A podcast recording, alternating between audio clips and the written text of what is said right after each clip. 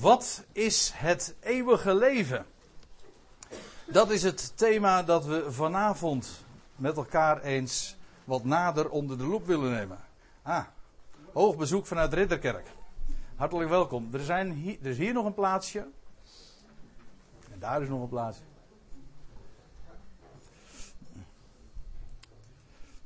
We zijn alvast maar begonnen als je het niet erg vindt. Oké. Wat is het eeuwige leven? Dat is het onderwerp. En als je wil weten wat het eeuwige leven is, en u kent de term uiteraard, tenminste als u vertrouwd bent met de Bijbelse boodschap, en als u een, uh, vertrouwd bent met wat er in de kerken verteld wordt en wat er in de, op de zondag gepredikt wordt, dan kent u die term ook. Ik weet dat in de de twaalf artikelen van het geloof, de zogenaamde apostolische geloofsbeleidenis, dan is het laatste artikel, ik geloof de opstanding des vleeses, geen bijbelse term trouwens, en staat er dan vervolgens, en een eeuwig leven. Dat is het slot van deze geloofsbeleidenis. Nou kun je dat natuurlijk wel zeggen, ik geloof het eeuwige leven, daar geloof ik namelijk ook in, al geloof ik ook, en dat zeg ik dan maar meteen, maar ik ga het vervolgens de rest van deze avond dus duidelijk maken. Ik geloof dat het eeuwig leven geen eeuwig leven is. Maar wat anders. En daar uh, komt meteen al het probleem. Want als je nou wil weten dat dat eeuwig leven. wat het is. dan kun je natuurlijk gaan filosoferen. Zelf dingen gaan bedenken. Je kunt ook iets anders gaan doen. En dat is dit: de vandalen opzoeken. En die gaan openen. En dan ga je eens kijken, ja, wat betekent nou eigenlijk eeuwig? En dan staat er bij eeuwig, dat is een bijvoeglijk naamwoord. En dat betekent begin nog einde hebbend. Oftewel eeuwigdurend, perpetueel, perpetueel. Dat woord eh, gebruiken we natuurlijk nauwelijks. Maakt niet uit, het is van dalen. Vervolgens is de tweede betekenis, in meer afgeleide betekenis, tot vervelens toe voortdurend eindeloos. Nou, die betekenis zullen we uh, op voorhand maar niet geven aan de term eeuwig leven. Tot vervelens voortdurend. en dan kun je ook nog eventjes dat andere woord er ook bij pakken. Eeuwigheid. De eeuwigheid. Het kan ook nog in, de, in meervoud. Heel vreemd trouwens. Iets wat geen begin en geen einde heeft. Maar toch een meervoud kan hebben eeuwigheden. Sterker nog, in de Bijbel spreekt zelfs over, dat wil zeggen in onze vertaling, over alle eeuwigheden. Dus dat zijn er uh, heel wat, kennelijk. En daarvan staat een soortgelijke betekenis, dat mag je ook verwachten, want eeuwig is afgeleid van eeuwigheid. En daar staat eindeloze duur, oftewel oneindigheid. En de tweede betekenis die daarvan afgeleid is tijd die zeer lang schijnt. Dat is wat het woordenboek zegt over eeuwig en eeuwigheid. Vatten we dat nou eventjes uh, meteen bij het woord uh, of bij dat begrip eeuwig leven, brengen we dat even bij elkaar, dan krijg je dus de betekenis eeuwig leven is als je het gewoon neemt naar de betekenis die, die voortvloeit zeg maar uit vandalen, uit dat wat we gewoon in ons gewone spraakgebruik daaronder verstaan, dan is dat eeuwig leven. Dus leven dat begin en in ieder geval geen einde heeft. Het duurt altoos voort. Een eindeloze. Het duurt inderdaad eindeloos. Oftewel, ja, ook dat geen begin hebbend. Dat is nog een ander punt. Ik heb een boekje. Wat, dat, dat heeft exact dezelfde titel als dat we vanavond ook aan deze wat we aan deze studie hebben gegeven, namelijk wat is het eeuwige leven. En dan begint te schrijven, ik zal zijn naam niet noemen. Nee, ik noem zijn naam echt niet, want het doet nou uh, nu even niet de zaken. Maar die begint ermee, en is meteen al een valse start. Hij zegt, God is de eeuwige God. Die heeft geen begin en heeft geen einde. Hij is de levende God. Dus het eeuwige leven is het leven dat geen begin en feitelijk ook geen einde heeft. Er uh, hij begint zijn studie meteen al vals in die zin, doordat hij de betekenis afleidt uit wat het, uh, een woord betekent in onze Nederlandse taal, dat wat afgeleid zou worden uit het woordenboek. Moet je nooit zo doen bij Bijbelstudie. Eerst, de eerste regel is dat als je een Bijbels begrip wil gaan verstaan, dan moet je niet bij het woordenboek te raden gaan, maar dan moet je iets anders doen en dat is, men nemen een concordantie. Dat klinkt meteen heel zwaarweegtig, maar het betekent gewoon dat als je wil weten wat een Bijbels woord betekent, dan kijk je gewoon wat de betekenis van een woord is in de Bijbel. En dan moet ik het eigenlijk nog beter zeggen, in de schrift. Dan moet je niet afgaan op de concordantie van een Bijbelvertaling, maar gewoon op het, oorspronkelijke woord dat in de Bijbel gebruikt wordt. En dan kom je, stuit je al meteen op iets. Ja, men neemt een concordantie en dan zie je, dan kom je in de Bijbel eh, het woord tegen, wat, waar ons woordje eeuwigheid van afgeleid is, of waar het een vertaling van is, en dat is het woordje aion. En degene die hier vaker komen, of degene die hier heel lang komen, die, die hebben dit al heel vaak gehoord. Maar dat is ook geen, enkel probleem. Het is een buitengewoon fundamentele kwestie. Het woordje aion, dat is het Griekse woord wat een grondslag ligt aan, ons, aan het vertaalwoord eeuwigheid. Maar weet u wat nou zo grappig is? In de Bijbel wordt dat woordje aion op een hele bijzondere manier gebruikt. Die op geen manier uh, te linken is aan de vertaling. Kijk, de Bijbel kent bijvoorbeeld de uitdrukking voor de Ionen. Voor de Ionen. Zeg je nu dat Ion eeuwigheid betekent, dan zeg je dus voor de eeuwigheden. Let op het meervoud. En bovendien, we hadden toch over eeuwigheid, hadden we vanuit Vandalen vastgesteld. Het heeft geen begin en geen einde. Maar hoe zo dan voor de Ionen? Kan niet. Daar hoef je helemaal niet intelligent voor te zijn. Dat kan gewoon niet voor Ionische tijden. Die uitdrukking zullen we trouwens later vanavond ook nog onder de loep nemen. De Ionen zijn volgens Hebreeën 1 gemaakt. Die hebben dus een begin. En, hebben, en er is dus ook iets voor de Ionen geweest. Het, vloeit, het ene vloeit allemaal voort uit het andere. De Bijbel spreekt over het einde van de Ion. De Bijbel spreekt over de einden der Ionen. Meerdere einden, meerdere ionen. De Bijbel spreekt over de voleinding der ionen. Hebreeën 9, vers 26. De Bijbel spreekt over zoveel termen, gebruikt eh, zulke soort termen zo ontzettend vaak. Waardoor meteen ook het begrip eeuwigheid door de mand valt. En nou kunt u misschien denken, en dat kan ik me heel goed voorstellen, van ja, is dit nou niet een, een conclusie die jij nu die, die jij nu trekt, dan zeg ik A, nee, dit zijn gewoon de termen die de schrift zelf gebruikt. Bovendien, wat ik hierover zeg, is helemaal niet onbekend. Je kunt het in elk fatsoenlijk handboek gewoon nalezen. En geloof me nou niet op mijn woord, we zullen het eens een keertje, ik zal het eens een keer laten zien. Als u de, in de Winkeler Prins Encyclopedie nakijkt, dan vindt u dit. Aion, oftewel de meer Nederlandstalige weergave, eon, betekent niet eindeloze duur, maar tijdperk. Zie je dat je meteen al dus in de knoei komt als je Vandalen of, Koenen of een gewoon Nederlands woordenboek gebruikt om als gids te dienen bij Bijbelstudie. Want dat betekent namelijk dat je meteen al een, een, totaal uh, twee tegengestelde richtingen wordt opge, opgestuurd. Ja. Want in het ene geval zeggen ze, ja, eeuwigheid betekent geen begin, in ieder geval geen einde hebbend. Terwijl de winkeler Prins, die, laat ook, die zegt van ja, maar aion betekent in de oorspronkelijke taal, het betekent niet eindeloze duur, maar tijdperk. De korte verklaring, dat is een uh, standaard verklaring binnen de reformatorische wereld. Toch nog steeds wel. Het is al wel een, oud, een, oude, een hele oude verklaring inmiddels, al eh, een krap eeuw oud.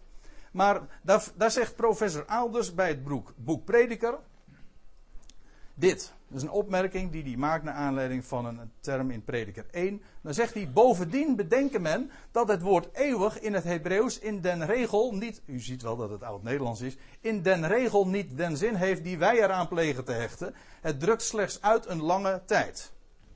Dat zegt niet André Piet. Dat zegt professor Aalders in de korte verklaring.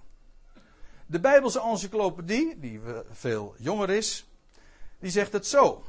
Het Hebreeuwse olam, want ik had het net over het woordje aion, maar het, aion, het woordje aion, dat is het Griekse woord. U weet, het Nieuwe Testament is, is, is oorspronkelijk geschreven in het Grieks. Het Oude Testament is geschreven in het Hebreeuws. Het Hebreeuwse woord olam, waarvan in het Oude Testament eeuwigheid de vertaling is, is verwant met een werkwoord dat verbergen betekent. Klopt. Het duidt dan ook iets aan dat in het verleden of in de toekomst nog verborgen is. Het heeft dus de betekenis van een zeer lange tijd. Een tijd met een verborgen einde. Betekent dus niet eindeloze duur. Dus dat wat de concordantie al in één oogopslag duidelijk maakt, namelijk dat de ion, ionen een begin en een einde hebben, dat wordt gewoon ook rechtstreeks door de grote Hans, uh, naslagwerken. En ik had, er, ik had de lijst vele malen groter kunnen maken natuurlijk. Maar ik hoop dat, u, dat dit duidelijk is.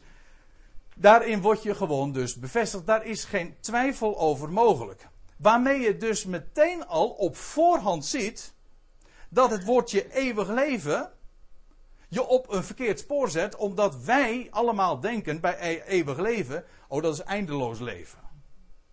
Nou, in de kwalitatieve zin kan ik, er, kan ik daar wel mee instemmen. In de zin dus van, oh, het zal een eindeloos leven zijn. Zoals je ook een eindeloze vakantie gehad kan hebben.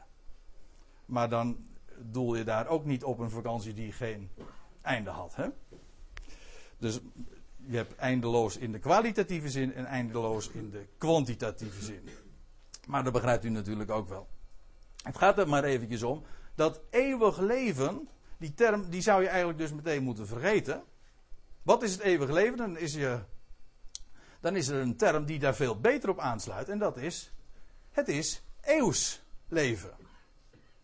Nou, ik geef toe, het is even wennen. Maar het is volstrekt Nederlands. Zoals wij spreken over, uh, ik ben van de 20ste eeuw.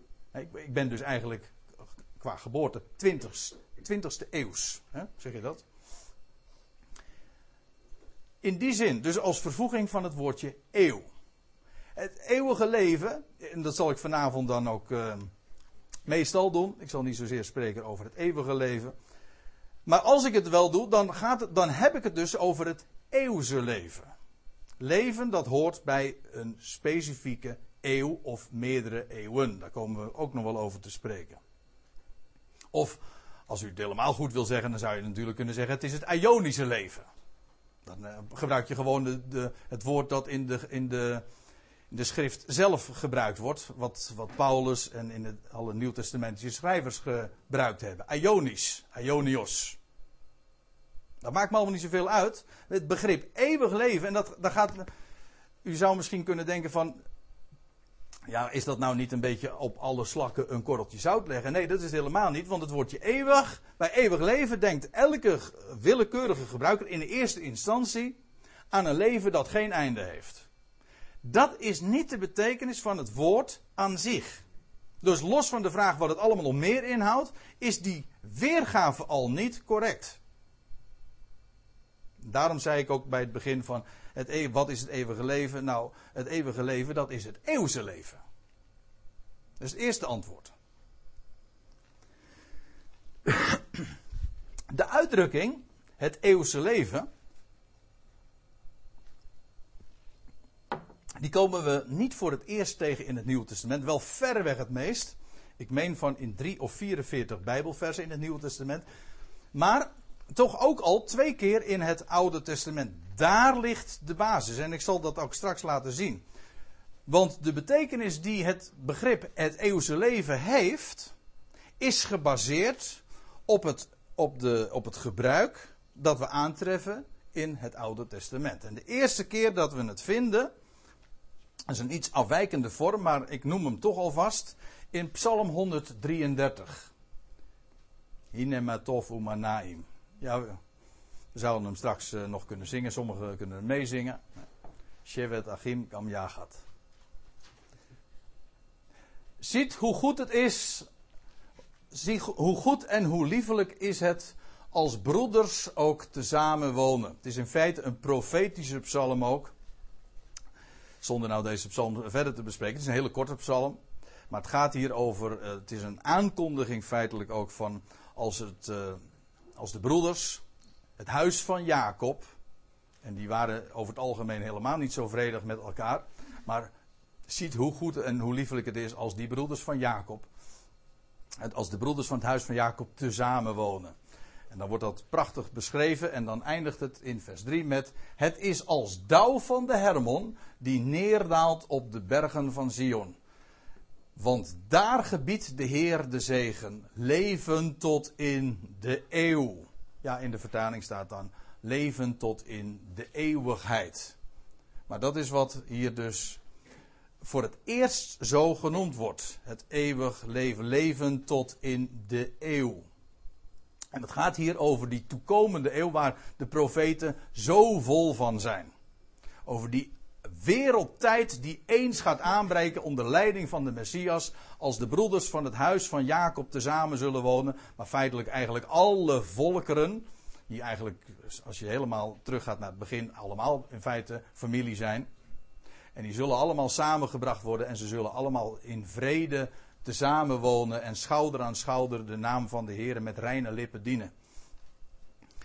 Wel nu, daar gebiedt de Heer zijn zegen en het leven tot in de eeuw. Want het gaat hier namelijk over, het over die toekomende eeuw. Dat is de eerste keer dat, dat deze term gebruikt wordt in de Bijbel.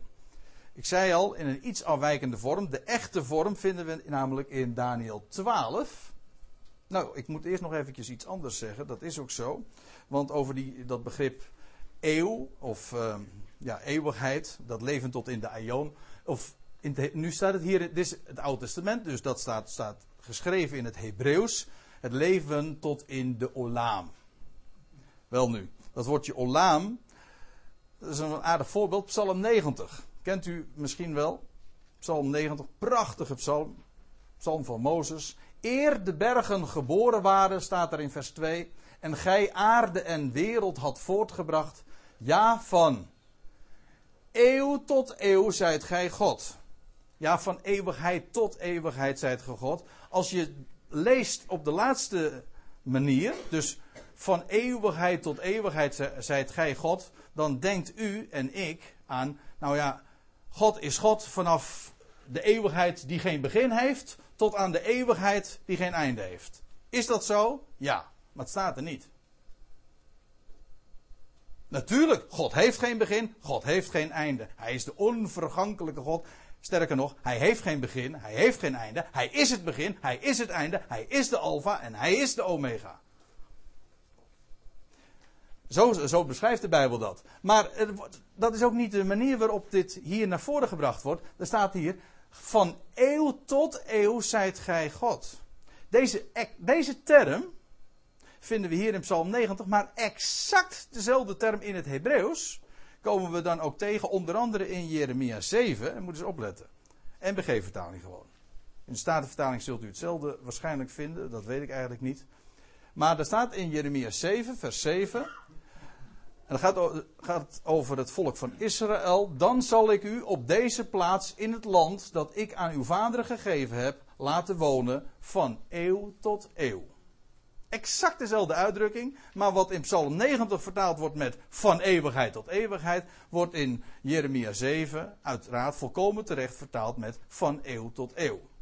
Had men dit nu gedaan volgens de concordantie, dat wil zeggen concordant, gewoon eensluidend vertaald, dan had in Psalm 90 ook keurig gestaan: van eeuw tot eeuw zijt gij God. Dat is ook wat de eeuwige God betekent. Betekent niet dat hij geen begin en geen einde heeft. Al is dat zo. Het betekent dat hij van eeuw tot eeuw God is. De God der eeuwen. De koning der eeuwen. Dat is de betekenis van de term. Dan gaan we vervolgens naar Daniel 12. Want daar vinden we, behalve Psalm 133, ook die uitdrukking het eeuwige leven, of beter het eeuwse leven. Ik lees eventjes vanaf vers 1. Nadat in de voorgaande hoofdstukken beschreven staat op een uitgebreide manier hoe, dat, hoe de lotgevallen van het volk Israël zullen zijn gedurende de eindtijd. Die, uit, die uitdrukking eindtijd vinden we trouwens uitsluitend hier in Daniel 11. En dan staat er in vers 1 van Daniel 12: Te dien tijde, dus Daan in die eindtijd, zal Michael opstaan, de grote vorst. Hem kom je later ook weer tegen in het boek Openbaring. Michael, die de zonen van uw volk, Israël dus, het wordt tegen Daniel gezegd, die de zonen van uw volk terzijde staat, en er zal een tijd van grote benauwdheid zijn. Zoals er niet geweest is sinds er volkeren bestaan tot op die tijd toe. Als je dit leest, dan. en je bent een beetje vertrouwd met de Bijbelse profetie, dan weet je dat deze uitdrukkingen veel vaker voorkomen. Ik denk aan de reden der laatste dingen, de bergreden in uh, Matthäus 24. Ja, de tweede bergreden, zeg maar. Daar zegt de Heer Jezus dat ook. Dat er een, geen, de, de, een verdrukking zal zijn zo groot als er nooit geweest is van het begin der wereld tot aan de einde der schepping toe. Bovendien, het zal een tijd van grote benauwdheid zijn en die tijd en, wordt ook zo dikwijls beschreven. Ik denk aan Jeremia waar gesproken wordt over een, een dag van benauwdheid, van grote benauwdheid van Jacob. Jeremia 30, ik geloof van vers 6. Nou, die tijd die wordt hier beschreven. Te dien tijden.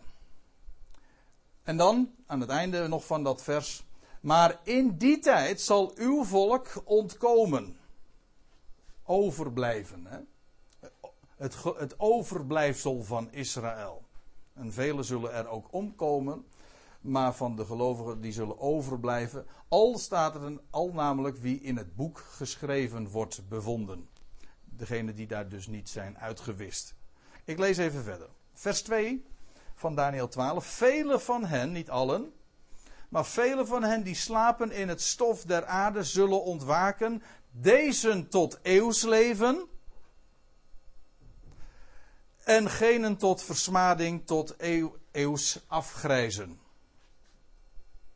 En de verstandige, oh wacht eh, trouwens, dat eeuwig leven, ik heb er daar nog een aantekening. In het Hebreeuws staat er legai olam en dat betekent letterlijk gewoon tot leven, tot leven der eeuw. Of zoiets. Het Hebreeuws kent geen bijvoeglijke vervorming, dus het is eigenlijk gewoon een, het leven van de eeuw. Tot het leven van de eeuw, ja. Dan nog eventjes vers 3. En de verstandigen onder het volk zullen stralen als de glans van het uitspansel. En die velen tot gerechtigheid hebben gebracht als de sterren voor eeuwig en altoos. Ook die uitdrukking vind je nog wel eens een keertje. De, heel leuk hè. Want weet u wat er echt staat?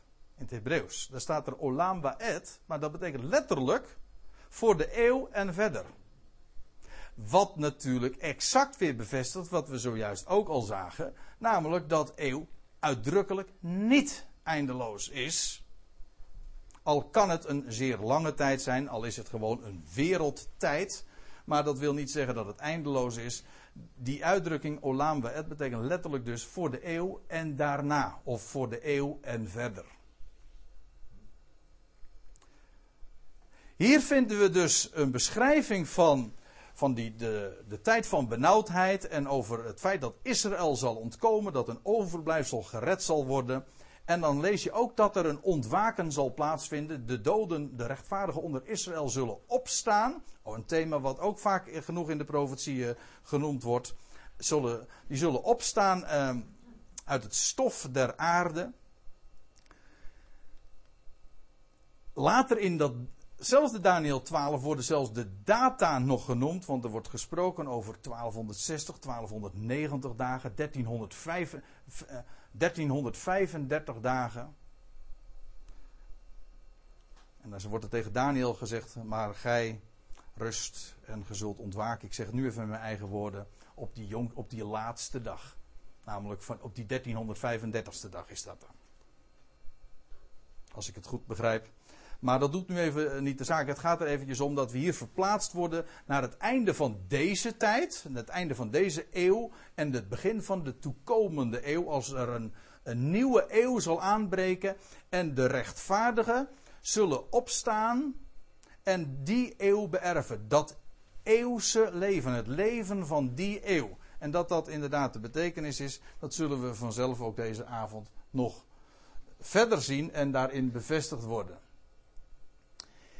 Dan, dat, dat was onze studie over het eeuwse leven in het Oude Testament. Dat is vrij gauw gedaan, want nogmaals, die uitdrukking het eeuwige leven, of het eeuwse leven, of iets in die geest, komen we maar twee keer tegen in de Hebreeuwse Bijbel. Dus gaan we vervolgens met die kennis op zak naar het Nieuwe Testament. En dan de eerste keer dat we die uitdrukking dan tegenkomen is in Matthäus 19.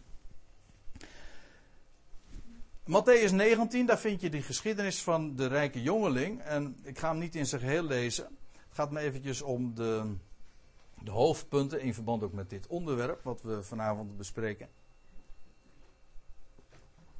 Het staat in vers 16. En zie, iemand kwam tot hem en zeide: Meester, wat voor goed moet ik doen om het eeuwige leven te, beërf, te verwerven? hey, deze man wist dus wat het eeuwse leven was. Die rijke jongen, hij komt naar de Heer Jezus toe. Het was namelijk een term wat de Joden kenden.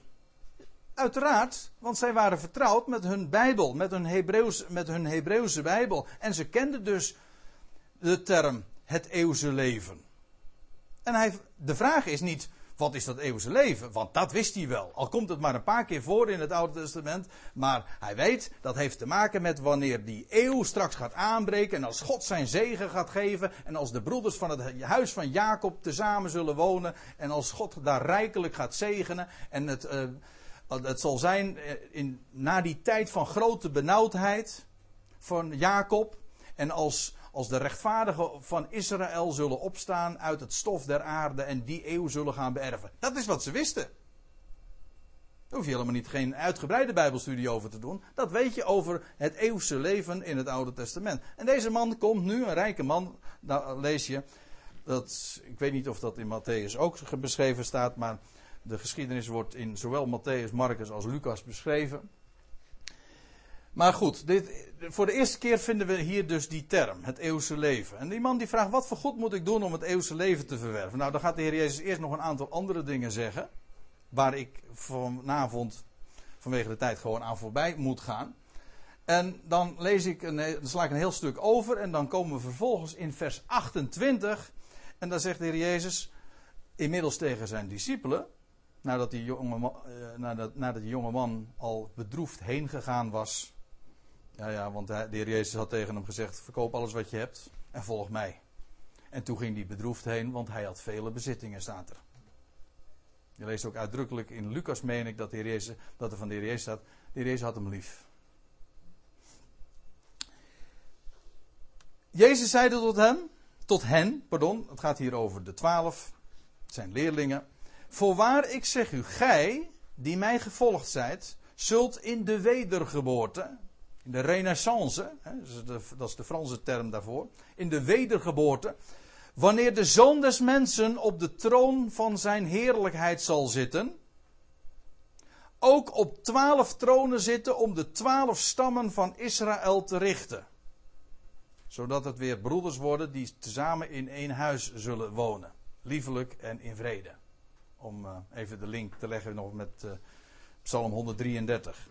Het zal zijn dus als de zoon mensen op zijn troon van heerlijkheid zal zitten. Allemaal hele bekende termen, bekende begrippen voor een Jood. Die een, die een verwachting had op grond van, ze, van wat hij wist, wat de Hebreeuwse profeten hadden gezegd. Dat de Messias zou komen en dat hij de Ben-Adam zou zijn. Want dat is wat die term zoon mensen ook betekent. Hè? De Ben-Adam. Is het Hebreeuwse woord daarvoor. De zoon van Adam. Oftewel, de erfgenaam van Adam. Hij die de hele wereld zal beheersen. En een heerschappij zal uh, uitvoeren voeren over, over alles wat God geschapen heeft. Dat is wat de term betekent. Wel, ik lees even verder. Er wordt hier nog genoemd de wedergeboorte, wanneer de hele wereld getransformeerd wordt. Want dat is eigenlijk wat het is. Nou, dan zouden ook de twaalf zitten op twaalf tronen om de twaalf stammen van Israël te richten. En dan staat er vervolgens: En een ieder die huizen, of broeders of zusters, of vader of moeder, of kinderen of akkers heeft prijsgegeven om mijn naam, zal vele malen meer terug ontvangen en het eeuwige leven erven. En nu is de link weer gelegd met de vraag die, met, waarmee die rijke jongeling kwam, namelijk: wat doende moet ik het eeuwige leven beërven?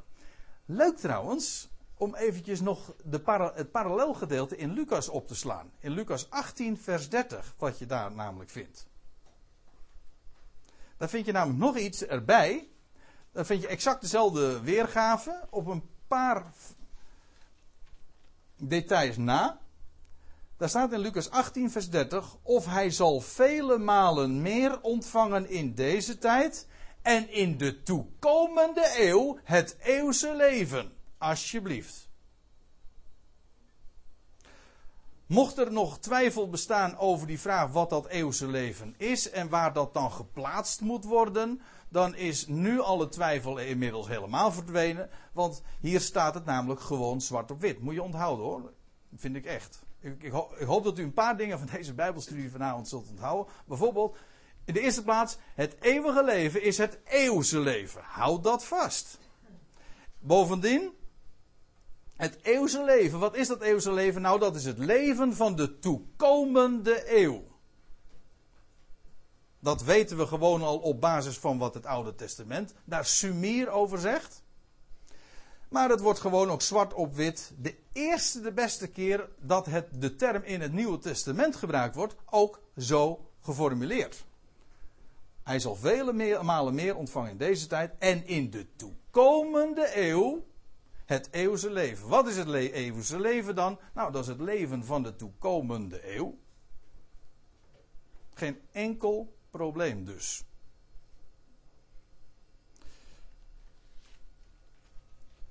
De tweede keer dat de term voorkomt in het Nieuwe Testament, dat is in Matthäus 25. Dat is uh, trouwens, dat zijn ook de enige twee keren dat het ge, voorkomt in het Matthäus-evangelie.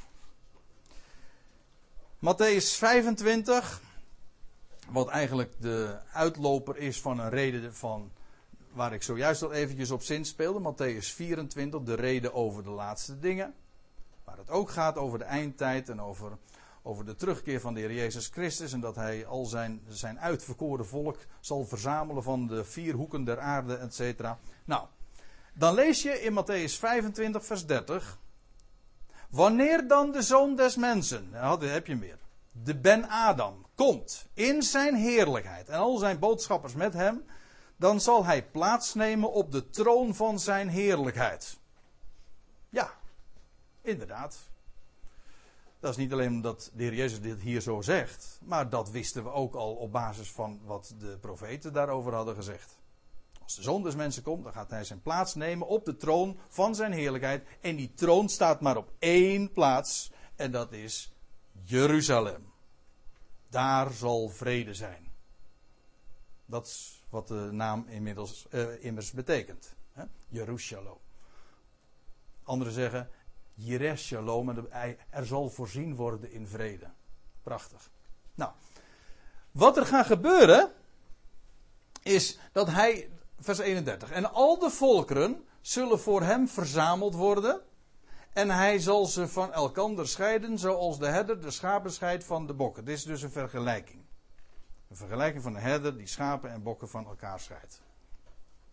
Maar ook dit is trouwens geen, uh, geen onbekend gegeven, want ook de profetieën maken er melding van dat als de Messias zal terugkeren, dan zullen de volkeren verzameld daar zijn, ten strijde namelijk in Jeruzalem, bij Jeruzalem, daar op dat stuk grond in het, van het Midden-Oosten. Daar zullen die volkeren verzameld worden. Ze zullen er toch al zijn dus.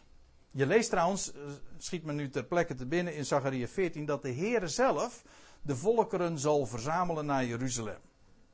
Hij zal ze te strijden doen trekken tegen Jeruzalem. Hier staat het. De volkeren zullen voor hem verzameld worden. Hij zal ze van elkaar scheiden, zoals de herder de schapen scheidt van de bokken vers 5, en dan sla ik het heel groot gedeelte over. Dat moet wel. en dan lees je nog even over uh, wat hij dan ook antwoordt. Dan zal hij hun antwoorden. Ik ga er eventjes gemakshalve vanuit dat u de geschiedenis enigszins kent, het, dit Bijbelgedeelte. Zoals hij hun, dan zal hij hun antwoorden en zeggen: Voorwaar, ik zeg u, in zoverre gij dit aan een van de minste niet gedaan hebt, hebt gij het ook aan mij niet gedaan. Want wat het punt is, namelijk, die volkeren worden namelijk beoordeeld. Niet of ze geloofden in de Heer Jezus. Dat, zo staat het er ook niet. Er wordt gevraagd wat gij gedaan hebt aan de minste van mijn broeders. Van zijn volk namelijk. Dat zijn broeders naar het vlees. Wat gij gedaan hebt aan de minste van mijn broeders, dat hebt gij mij aangedaan. En dat is het criterium dat deze herder, die de schapen van de bokken scheidt, aanlegt. En dan lees je, en deze zullen heen gaan naar de eeuwse straf, namelijk degene die de minsten van zijn broeders niet hebben gedacht en daar niets voor hebben gedaan. Die zullen gaan naar de eeuwse straf of de eeuwse kastijding. Maar de rechtvaardigen naar het eeuwse leven. Hier vind je de term in het Nieuwe Testament voor de tweede keer. Ook hier is het weer volstrekt duidelijk. Dat eeuwse leven, dat breekt aan als de zoon des mensen zijn plaats zal hebben ingenomen op de troon van zijn heerlijkheid in Jeruzalem. De volkeren worden dan inderdaad ingeleid in het vredenrijk. Dat wil zeggen, voor zover zij schaapvolkeren zijn. En dan zullen zij dat leven van die toekomende eeuw beërven. En ja, wat je hier vindt is in wezen een is beeldspraak, hè? want er wordt gebruik gemaakt van het beeld van, een, eh, van, een schapen, van schapen en geiten of, eh, en bokken en een herder die van elkaar gescheiden worden. Maar wat dacht je wat? De profeten spreken ook over dezezelfde gebeurtenis, alleen in wat concretere taal ook. Want wat dacht u? In Joel 3, daar lees je gewoon hele duidelijke, concrete woorden, zonder enige beeldspraak dan. Dan staat er Joel 3, want zie, in die dagen moet je er, tenminste dat heb ik in mijn eigen Bijbel gedaan en kan het u ook adviseren. Als je die geschiedenis hebt in Matthäus 25, schrijf daar eventjes een tekstverwijzing naar Joel 3 naar. Want dan, dan begrijp je het, het hele verhaal in één keer namelijk. Let maar op. Joel 3, daar staat, want zie in die dagen, laatste dagen, dat, staat, spreekt namelijk het voorgaande in Joel 2 over. Want zie in die dagen en te dien tijden, wanneer ik een keer zal brengen in het lot van Juda en van Jeruzalem. Nou, dan weten we meteen waar we het over hebben. Als Israël hersteld zal worden. Als het terugverzameld zal worden. Wanneer de Heere dat zal doen.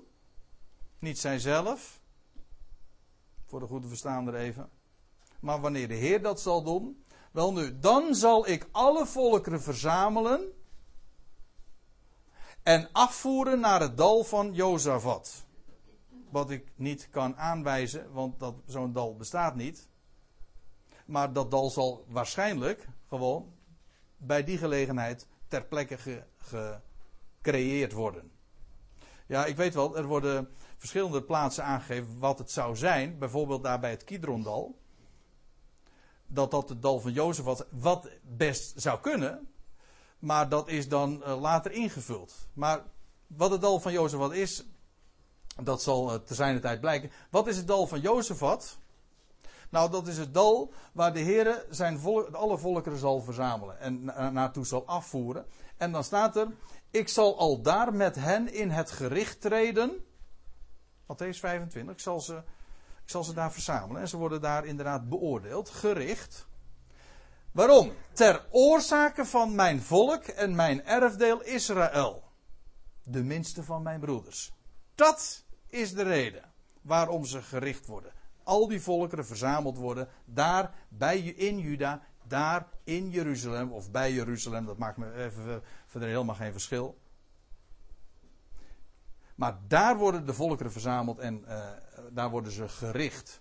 En daar staat er nog bij ter oorzake van mijn volk en mijn erfdeel Israël. Want u weet het, hè? Israël is Gods erfdeel. Dat zij onder de volkeren verstrooid hebben, terwijl zij mijn land, zij mijn land, mijn land verdeelden. Want het land van Israël is het land niet van de Joden. Het is niet van de Arabieren, niet van de Palestijnen. Het is van helemaal niemand. Het is van de Heer zelf. De Heer zegt altijd, zegt hij al in de Leviticus, het is mijn land. En jullie zijn alleen maar vreemdelingen en bijwoners. Jullie mogen erin wonen. En als ze zich niet aan de regels hielden, dan zeg je van ga uit mijn huis. Ja. Maar goed, het is het land van de Heer. En vandaar ook een heilig land. Hè? Het gaat me er eventjes om, dat eeuwse leven, Matthäus 25, wel, dat is het leven van die toekomende eeuw, wanneer inderdaad de volkeren verzameld zullen zijn. Daar, dat zal aanvangen wanneer de volkeren verzameld zullen zijn daar bij Jeruzalem.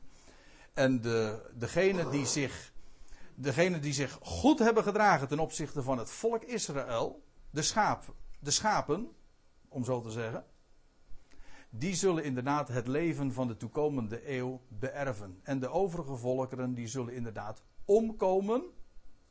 Of in ieder geval, want je leest daar ook van in het gebied van Edom, daar bij de Dode Zee, daar zullen nog een, enorm slagveld ook plaatsvinden. Ook dat wordt in de profetieën beschreven.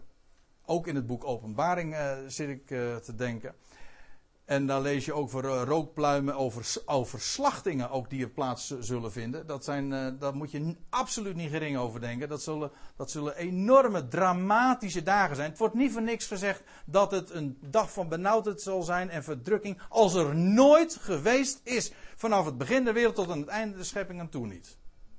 Dat zijn de meest dramatische dagen van de mensheid ooit. Dan. En als er dus, als er staat dat de Heer in gericht zal treden, die volkeren zullen daar omkomen, er zal een enorme slachting plaatsvinden. Het overblijfsel van de volkeren, niet alleen het overblijfsel van Israël, maar ook het overblijfsel van de volkeren, die zullen het leven van de toekomende eeuw beërven. Tezamen trouwens met de, de overleden rechtvaardigen van Israël, die zullen opstaan en die zullen van de hemelse kant, als ik het zo mag zeggen, het vrederijk ook mee gaan maken. Dat is dat eeuwse leven. Ja, dat wordt in Jezaja 65 ook beschreven. Daar wil ik uh, bij een andere gelegenheid graag nog eens een keertje wat dieper op ingaan. Omdat de vraag gesteld zou kunnen worden, zeg ik nu eventjes voor, uh, voor de fijnproevers, over welke toekomende eeuw het hier eigenlijk gaat. Dat is een hele goede vraag hoor. Maar uh, die, die detailvraag wil ik nu eventjes buiten beschouwing laten. Het gaat me eventjes erom over dat leven van de, van de toekomende eeuw. En dan lees je in Jezaja 65 vers 19. Ik zal juichen. Ik is een hoofdletter, gaat over de Heer. Ik zal juichen over Jeruzalem en mij verblijden over mijn volk. De Heer zal zich dan weer uh, zich verblijden over zijn volk. Het volk dat hem zo lang de rug heeft toegekeerd. En dan vers 20. Daar zal niet langer een zuigeling zijn die slechts weinige dagen leeft. Nog een grijsaard die zijn dagen niet voleindigt. Want de jongeling zal daar als honderdjarige sterven. Zelfs de zondaar zal eerst als honderdjarige door de vloek getroffen worden. Ze zullen huizen bouwen en die bewonen. Wijngaarden planten en de vrucht daarvan eten. Ze zullen niet bouwen opdat een ander het eh, er wonen. En ze zullen niet planten opdat een ander het eten. Want als de levensduur van de bomen zal de leeftijd van mijn volk zijn. En van het werk van hun handen zullen mijn uitverko uitverkorenen, mijn uitverkoren volk namelijk, genieten. Ze zullen niet te vergeefs zwoegen en geen kinderen voortbrengen tot een vroegtijdige dood. Want zij zullen een door de Heere gezegend geslacht zijn en hun nakomelingen met hen. Kijk, dit is de toekomende eeuw. Een geweldige beschrijving daarvan, zoals je dat trouwens in het boek Jezaja vele aantreft. Maar wat hier zo frappant is, is dat die, die toekomende eeuw beschreven wordt in al zijn glorie, paradijselijke toestanden. De mensen zullen ook weer de leeftijden krijgen die ze in de, in de toekomende eeuw, zullen de mensen weer leeftijden hebben zoals ze die hadden in de vorige eeuw. En nou bedoel ik niet in de 20e eeuw, maar ik bedoel in de vorige aion. Namelijk de aion voor de zonvloed. Toen de mensen inderdaad ook leeftijden hadden als die der bomen. Nou, dat zal straks weer zijn. Maar, let op, degene, de volkeren die die, die die toekomende eeuw zullen gaan beërven, die zullen niet onsterfelijk zijn. Nee, die gaan in een sterfelijk lichaam, beërven ze dat geweldige Messiaanse rijk. Waar de Messias met ijzeren uh, scepter, lees je, daar ook streng en rechtvaardig en in geweldige barmhartigheid ook zal heersen. Maar, en dan lees je, ik weet niet of u het is opgevallen, maar dan staat er: de jongeling zal als honderdjarige sterven. Dus als daar een jongeling sterft, dan zal die, dan zeggen, iemand, iemand sterft er op honderdjarige leeftijd en dan is het nog een jongeling. En zelfs de zondaar zal eerst als honderdjarige door de vloek getroffen worden. Daar is dus nog dood, ondanks het feit dat de mensen de leeftijden als die der bomen zullen hebben, maar mensen gaan daar in die toekomende eeuw dus ook nog wel dood. Daar is de dood dus nog niet teniet gedaan. Al is de dood teruggedrongen en al zal het leven in, in een geweldige mate heersen in deze, in deze wereld. Want we praten over deze aarde. In een nieuwe tijdperk, een hele nieuwe orde, een hele nieuwe wereldorde met recht. Onder de heerschappij van de Ben-Adam, van de Messias. Maar daar is nog wel degelijk dood. Mensen zullen. En dat, dat is wat je dus ook moet onthouden. In het eeuwse leven zullen mensen, de volkeren, dus nog steeds sterfelijk zijn. En dus ook nog doodgaan.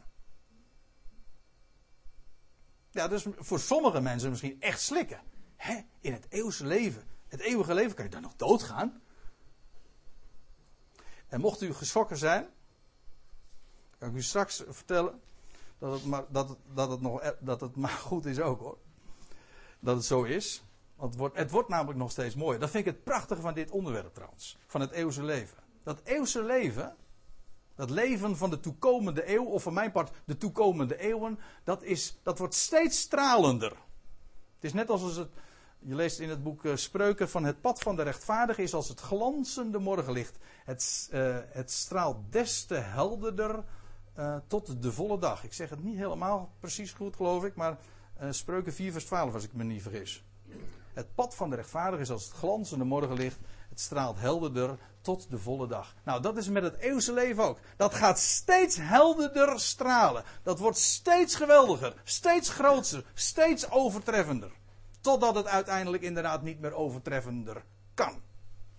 En dan hebben we, maar dan praten we niet meer over de eeuwen, maar over de voleinding der eeuwen. Dan zijn de eeuwen tot hun einde gekomen. En dan komt er dus een nieuw begin.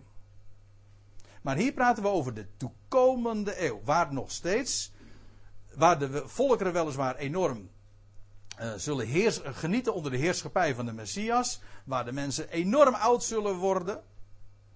Leeftijden als die van de bomen zullen hebben, maar niettemin wel degelijk nog sterfelijk zijn. In het eeuwse leven. Het leven namelijk van de toekomende eeuw. Ja. het bekendste vers in de Bijbel. Ja, over welk vers zal ik het dan hebben? Johannes 3, vers 16. Want als ik aan u zou hebben gevraagd van welk, noem eens een Bijbeltekst waar gesproken wordt over het eeuwige leven, dan had verreweg de meeste van u Johannes 3, vers 16 genoemd. Dat weet ik haast wel zeker. Al zo lief heeft God de wereld gehad, dat hij zijn enige geboren zoon gegeven, opdat een ieder die in hem gelooft niet verloren gaat, maar het eeuwige leven hebben. Het bekendste vers, en ik denk ook wel eens het meest onbekende vers van de Bijbel.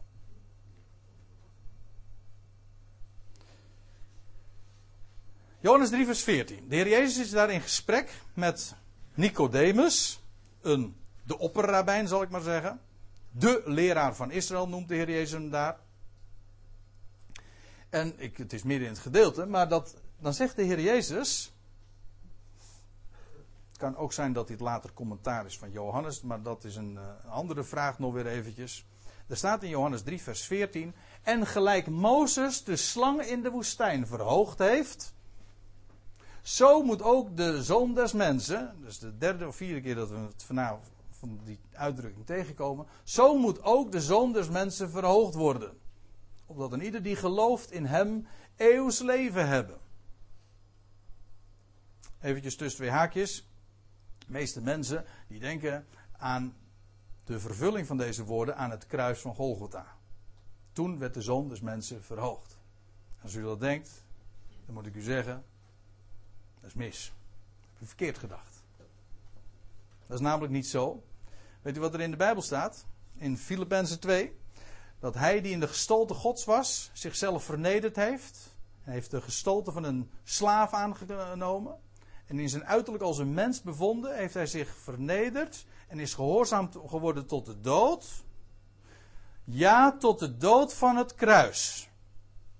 Hij heeft zichzelf vernederd tot de dood. Ja, tot de dood van het kruis. Het kruis is niet zijn verhoging. Het kruis is zijn uiterste vernedering. Zijn verhoging volgde daarop. Daarom staat er in Filippenzen 2, moet je er eigenlijk gewoon een tekst, uh, die tekst moet je erbij noteren in, uh, als je, bij Johannes 3 vers 14. Want daar staat er, daarom heeft God hem ook, God hem ook, uitermate verhoogd en een naam gegeven boven alle naam. Opdat in de naam van Jezus alle knie zou buigen en alle tong zal beleiden. Jezus is Heer. Tot eer van God de Vader. Nou, dat is zijn verhoging. Niet het kruis. Het kruis is zijn uiterste vernedering. Wel, de zoon des mensen moet verhoogd worden. En juist in die verhoging, ja, daarin is het leven natuurlijk. Dat is de overwinning. Het kruis is niet de overwinning. Het kruis was juist zijn, zijn nederlaag. Nou ja, juist dat heeft God gebruikt om hem te verhogen. Daar gaat het nou even niet om. Maar niettemin, de zoon des mensen moet verhoogd worden, opdat een ieder die gelooft in hem, zich, dus net als die mensen daar in de woestijn ooit naar die verhoogde slang keken. Prachtige geschiedenis trouwens. Maar als, zoals ze daar naar die slang keken, die, die koperen slang, en ze daardoor in leven bleven, wel, zo is een, een blik niet op het, kruis, ja, of je moet eh, zeggen het lege kruis, de opgestaande, de verhoogde, is voldoende om het leven te ontvangen dat hij aan het licht bracht. Goed, en dan vers 3, vers 16, want dan krijg je want, sluit dus aan bij het voorgaande, want, alzo, oh, hoezo? Nou, alzo, namelijk terugverwijzen naar uh, vers 14 en vers 15. Want al zo lief heeft God de wereld gehad. Ik, ik kan het altijd moeilijk uit mijn krijgen. Sinds ik beter weet. Want dat lief gehad, dat, dat, uh, dat brengt uh, zulke rare gedachten weer met zich mee. En die conclusies he, hebben mensen ook inderdaad getrokken. Ik heb verschillende commentaren in mijn boekenkast staan van mensen die zeggen van God heeft de wereld nu niet meer lief, want er staat in Johannes 3 vers 16 onder andere hij heeft de wereld lief gehad. Dat is een dwaze conclusie. Want, uh, nou kom ik er nog maar weer eens een keertje mee. Dit staat in een speciale Griekse tijdsvorm, een Griekse uh, werkwoordsvorm, die wij in het Nederlands niet kennen. En dat noemen ze de aorist. En aorist betekent, a betekent zonder, orist herkennen wij het woordje horizo nog in. Horizon. En dat betekent zonder horizon.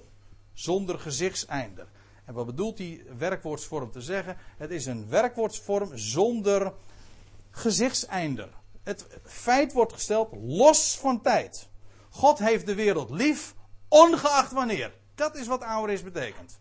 Maakt niet uit of het nou, het gaat er niet om of het, of het toekomst, of dat het verleden is of hey, Ongeacht wanneer God heeft de wereld lief. En dan wil ik er trouwens ook nog even op wijzen. Ik kan het niet nalaten. Dat woordje lief, dat is agape.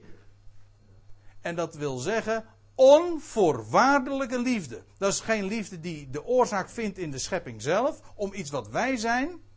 Maar in, het is liefde die geen enkele voorwaarde kent. God heeft de kosmos, want dat is het woordje wat voor wereld wat hier gebruikt wordt.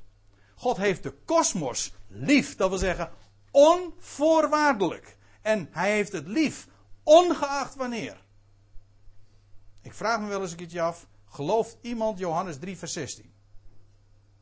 God heeft de wereld onvoorwaardelijk lief. Waarom? Nou, omdat het zijn wereld is.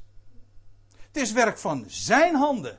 Daarom heeft hij de wereld lief. Niet om, om onze prestatie, maar omdat het zijn wereld is, zijn schepping, zijn creatie. Daarom heeft hij het lief. Daarom kan het ook nooit misgaan. Hè? Nee, het is, het is zijn werk. Het is daarom ook zijn eer. Nou, en al zo lief heeft God de wereld. Gehad zeg ik dus niet. Hè? Al zo lief heeft God de wereld. Dat hij zijn enige geboren zoon gegeven heeft. Opdat een ieder die in hem gelooft. Niet verloren gaat. Niet omkomen. Niet verderven. Maar het eeuwse leven hebben. En weet u wat de ellende is? En dat zeg ik en daar uh, laat ik het eventjes bij. En dan gaan we eerst maar eens even pauzeren. Weet u wat de ellende is? Dat als je dat niet weet. dat eeuwig leven, eeuws leven is, begrijp je Johannes 3, vers 16 helemaal namelijk niet meer. Weet je, wat je waarom niet? Dan zeg je, God heeft de wereld lief.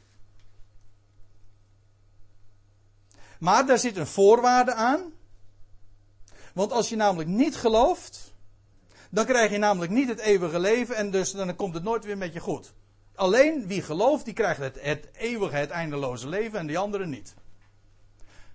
Met andere woorden, als dat de betekenissen zijn, dan heeft God de wereld niet lief. Namelijk niet onvoorwaardelijk. En ook niet eindeloos en ook niet ongeacht wanneer. Dan zit daar een limit aan. En bovendien ook een voorwaarde aan.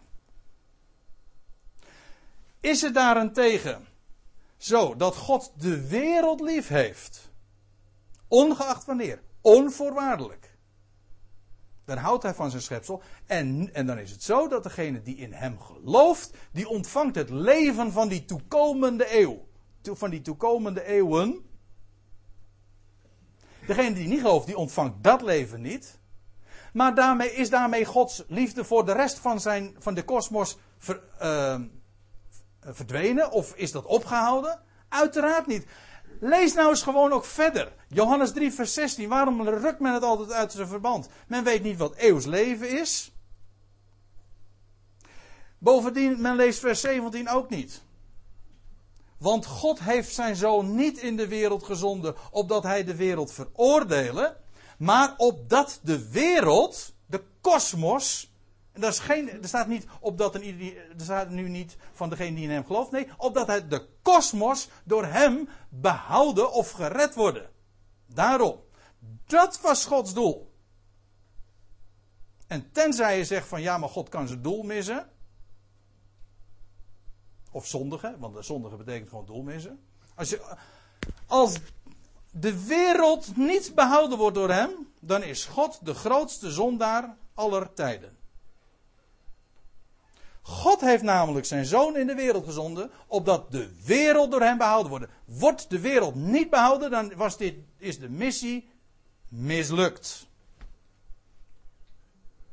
Einde verhaal. En dan zijn we dus inderdaad diep te beklagen. Kunnen we dat lied waar we zojuist mee begonnen zijn, God is getrouw, zijn plannen falen niet, kunnen we, kan je mooi op je buik schrijven. Dat is gewoon niet waar. Dat is, niet waar. Dat is, gewoon, dat is gewoon niet waar. Maar God heeft, zijn, heeft de wereld lief, ongeacht wanneer. En degene die hem gelooft, die ontvangt het leven van die toekomende eeuwen. Ja. En die wordt ook ingeschakeld. En krijgt een taak ook in die toekomende eeuwen. Maar daarover straks nog meer. We gaan eerst maar even pauzeren.